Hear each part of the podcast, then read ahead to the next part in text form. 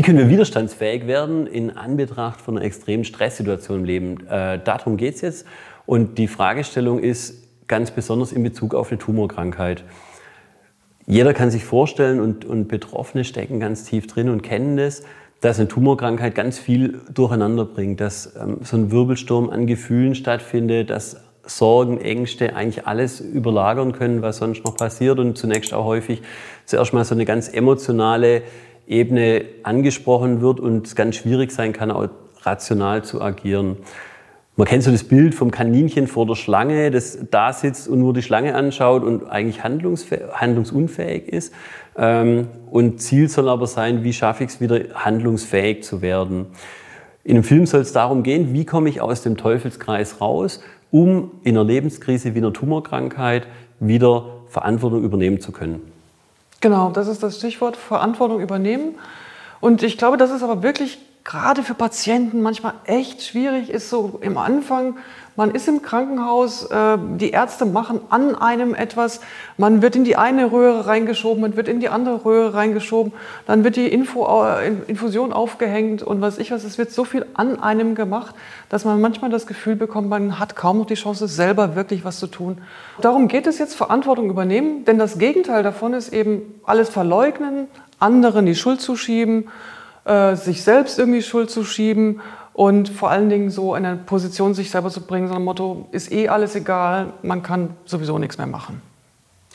Das gibt es durchaus, dass dieses Verdrängen, Wegschieben, nicht wahrhaben wollen oder ähm, auch Verantwortung abzuschieben, zuerst mal so eine, so eine emotionale Reaktion ist, dass quasi das häufig. Von Kindern kennt man es zum Beispiel, dass wenn irgendwas passiert ist, ich war es nicht, ist so das Erste, ähm, ich bin nicht schuld.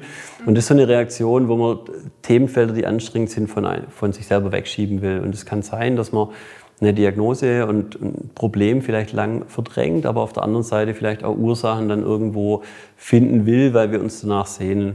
Das Ganze passiert zunächst eher emotional getriggert und es soll darum gehen, wie schaffen wir es wieder in eine rationale zu kommen und Verantwortung zu übernehmen, raus aus dieser ersten emotionalen Reaktion.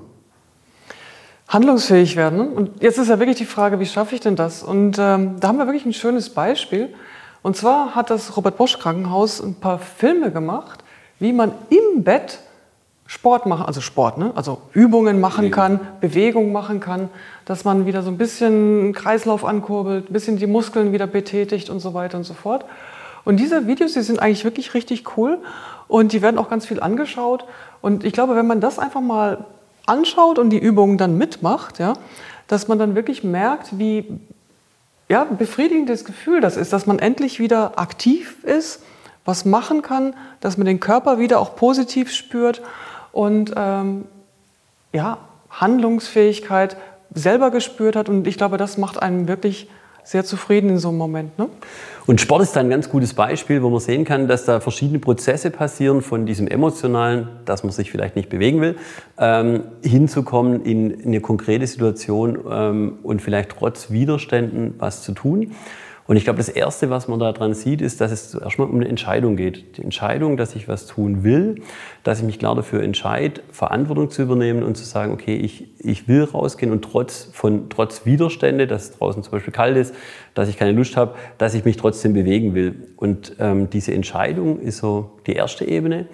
Was als zweites noch ganz wichtig ist, ist, ähm, das Thema Erinnerungen, was habe ich denn schon Positives geschaffen? Also jetzt nicht nur dran zu denken, was ist draußen alles kalt, was ist jetzt alles an Aufwand, sondern sich eher daran zurückzuerinnern, was habe ich für positive Erlebnisse, ähm, dass es das letzte Mal Spaß gemacht hat, äh, mich zu bewegen oder jetzt im, im Anbetracht einer Tumorkrankheit, dass man vielleicht auch schon andere Lebenskrisen bewältigt hat, dass man vielleicht schon im Leben mit großen Herausforderungen irgendwie zurechtgekommen ist und dass man gemerkt hat, vielleicht bin ich da sogar gestärkt daraus hervorgegangen. Ähm, und dieses Zurückerinnern an, an Gemeistertes gibt uns schon auch das Gefühl, okay, wir haben da schon was geschafft und gibt uns Mut zu handeln. Ein drittes, was man merkt, ist so ein bisschen raus aus der Opferrolle. Opferrolle ist ähm, vielleicht ein schwieriger Begriff, aber so dieses Aktivwerden, dieses ähm, ganz bewusst das Überwinden von, von dieser passiven Haltung. Es geschieht ganz viel an mir das Beispiel war vorhin ganz gut. Also die Chemotherapie ist was, was ich ganz minimal oder gar nicht beeinflussen kann. Das passiert alles an mir. Die Ärzte verordnen irgendwelche Untersuchungen, Medikamente. man hat einen sehr begrenzten Einfluss drauf. Ähm, und trotzdem so dieser Gedanke, ich bin hier nur Subjekt, ähm, das wirklich aufgeben und, und wirklich aktiv bleiben. Also derjenige zu bleiben, der, der versteht, was einem passiert. Zu fragen, was, warum soll ich diese Therapie machen? Warum ist die Untersuchung wichtig? Ähm, und dieses aktiv bleiben ist, ist schon was Wichtiges. So selber schon ähm, das Steuer in der Hand zu haben und, und die, die medizinischen Prozesse sind, sind extrem wichtig. Und trotzdem verstehen, was da passiert, trotzdem mhm. mit, mit drin sein. Ähm, nicht alles hinnehmen ist, ist vielleicht auch was ganz Wichtiges, weil erst wenn ich es verstehen kann, kann ich mich dafür entscheiden, kann mich darauf einlassen. Erst wenn ich ähm, auch selber das Gefühl habe, ich bin mithandelnd, wie beim Sport, ich kann mich vielleicht nicht mehr so gut bewegen, ich bin auf einer Station, wo das sehr begrenzt ist und dennoch ist es wichtig, dass ich derjenige bin, der was dazu beiträgt, ähm, gesund zu werden, möglichst gut die Situation zu überstehen ähm, und das verändert schon ganz arg viel. Mhm. Also ich finde auch, es gibt ein ganz tollen, tolles Buch, was ich gerne auch mal empfehlen möchte. Das ist eigentlich, ich finde es sind volle gute Ideen drin. Das ist von James Clear geschrieben. Das heißt auf Englisch, also im Original heißt es Atomic Habits und auf Deutsch übersetzt heißt es die 1%-Methode. Und gerade wenn man so Wörter wie Sport benutzt, ja, dann denkt man immer so, oh Gott, ja, ich bin krank, ich, ich kann mich kaum bewegen, ja, und jetzt soll ich Sport machen.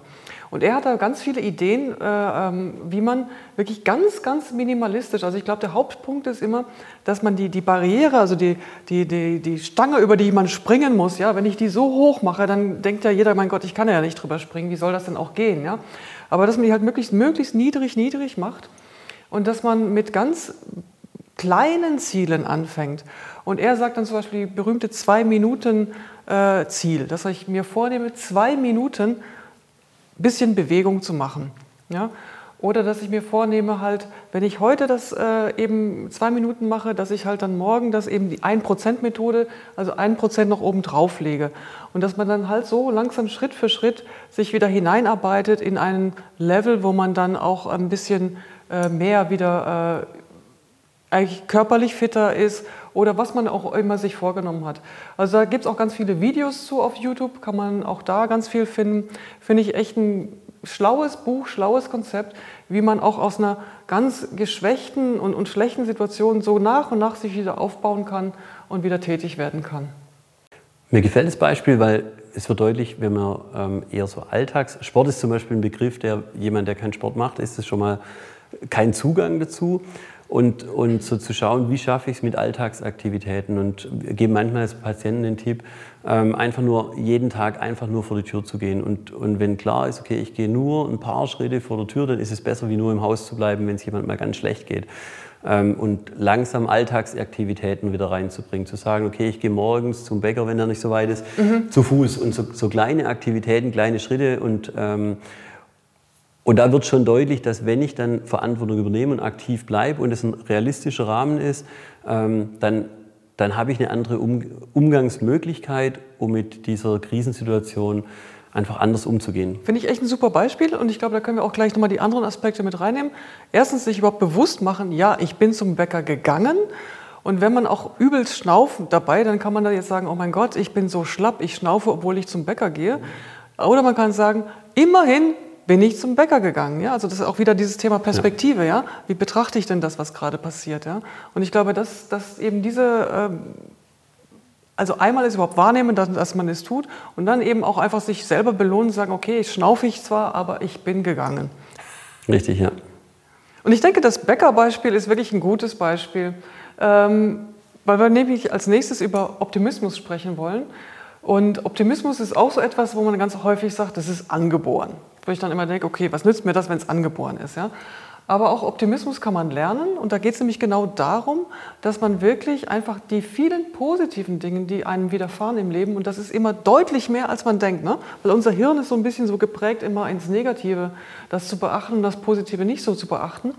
Aber faktisch ist, wenn man das sich mal bewusst macht und zum Beispiel auch aufschreibt, so nach Motto, die vielen positiven Dinge, die passieren im Leben, merkt man das, lernt man dabei und wirkt dann so nach und nach, wird man dann einfach zum Optimisten. Und äh, eben zum Beispiel, wenn ich zum Bäcker gegangen bin, dann schreibe ich mir das einfach mal auf und sage, ich bin heute beim Bäcker gewesen. Oder um nochmal auf diese äh, das Buch von James Clear zu kommen, die 1%-Methode. Auch dort ist es eben ein wichtiger Punkt, dass wenn ich dann eben meine zwei Minuten Training im Bett gemacht habe, dass ich mir das einfach bewusst mache und aufschreibe, heute habe ich zwei Minuten im Bett trainiert. Ja? Und am nächsten Tag dann vielleicht schon zwei Minuten 30. Und äh, genau einfach dieses sich bewusst machen, aufschreiben, vielleicht auch kommunizieren, seinen Freunden erzählen und ich bin jetzt, irgendwie habe ich das und das gemacht und das ist mir jetzt wieder gelungen, was ich vorher vielleicht nicht konnte. Ähm, dass man einfach das wirklich einen Lernprozess durchmacht und sich bewusst macht, wie viele positive Dinge passiert sind und sich so nach und nach zum Optimisten entwickelt. Und das Tolle am Optimismus ist nämlich, dass diese Menschen die Tendenz haben, immer das Gute zu erwarten. Und dass sie deswegen auch immer handlungsfähiger bleiben, weil sie eben denken, es wird sowieso was Gutes passieren, also kann ich auch was Gutes tun oder eben aktiv bleiben und handlungsfähig sein. Eine Möglichkeit ist da vielleicht auch zu sagen, ich plane mir ganz bewusst Sachen, die irgendwie realistisch sind, zu sagen, okay, ich, ähm, ich warte jetzt nicht, bis die nächste Therapie kommt. Häufig sind so Chemotherapien so Zyklen, sondern ich nehme mir ganz bewusst Ziele, die realistisch sind vor, wo ich sage, es könnte klappen, dass ich da mal zwei, drei Tage wegfahre. Also ganz bewusst ähm, mir realistische, positive Ziele setze, Themenfelder dann auch wiederhole, um, um positive Aspekte reinzubringen. Ähm, wenn ich eine realistische Einschätzung einigermaßen habe, ähm, dann schaffe ich es ja auch, ähm, das optimistisch zu sehen und zu sehen, ich habe das erlebt und den Rückblick dann wieder drüber zu reden, zu sagen, ich habe das geschafft, ich konnte zwischen der letzten Therapie zwei Tage wegfahren, war mit Freunden unterwegs und, und habe wieder ein Highlight geschaffen, dann fällt es mir auch einfacher, wieder optimistisch in die nächste Therapie zu gehen. Ich glaube, das ist ganz wichtig, da realistische Ziele zu nehmen, trotz Einschränkungen, sich Ziele zu fassen Verantwortung zu übernehmen ähm, und, und diese Sachen auch wirklich in einem Rahmen dann auch zu zelebrieren, zu ja, schon auch in den Mittelpunkt zu stellen und eben von den negativen Themenfeldern uns nicht überrollen lassen. Genau. Und das ist es, Verantwortung übernehmen, optimistisch sein, auch vielleicht mal die 1%-Methode ausprobieren. Und weiter geht es dann mit den nächsten beiden Filmen. Fokus auf eine konstruktive Bewertung und bedeutsame Beziehungen gestalten. Ach ja, bitte geben Sie uns Feedback zu dieser Episode unten in den Kommentaren. Wir möchten unsere Angebote immer besser machen. Wenn Sie also konkrete Fragen haben und Sie bestimmte Themen besonders interessieren, lassen Sie es uns unter dem Video oder per Mail wissen. Und übrigens, abonnieren Sie unseren Kanal, dann verpassen Sie keine weitere Folge.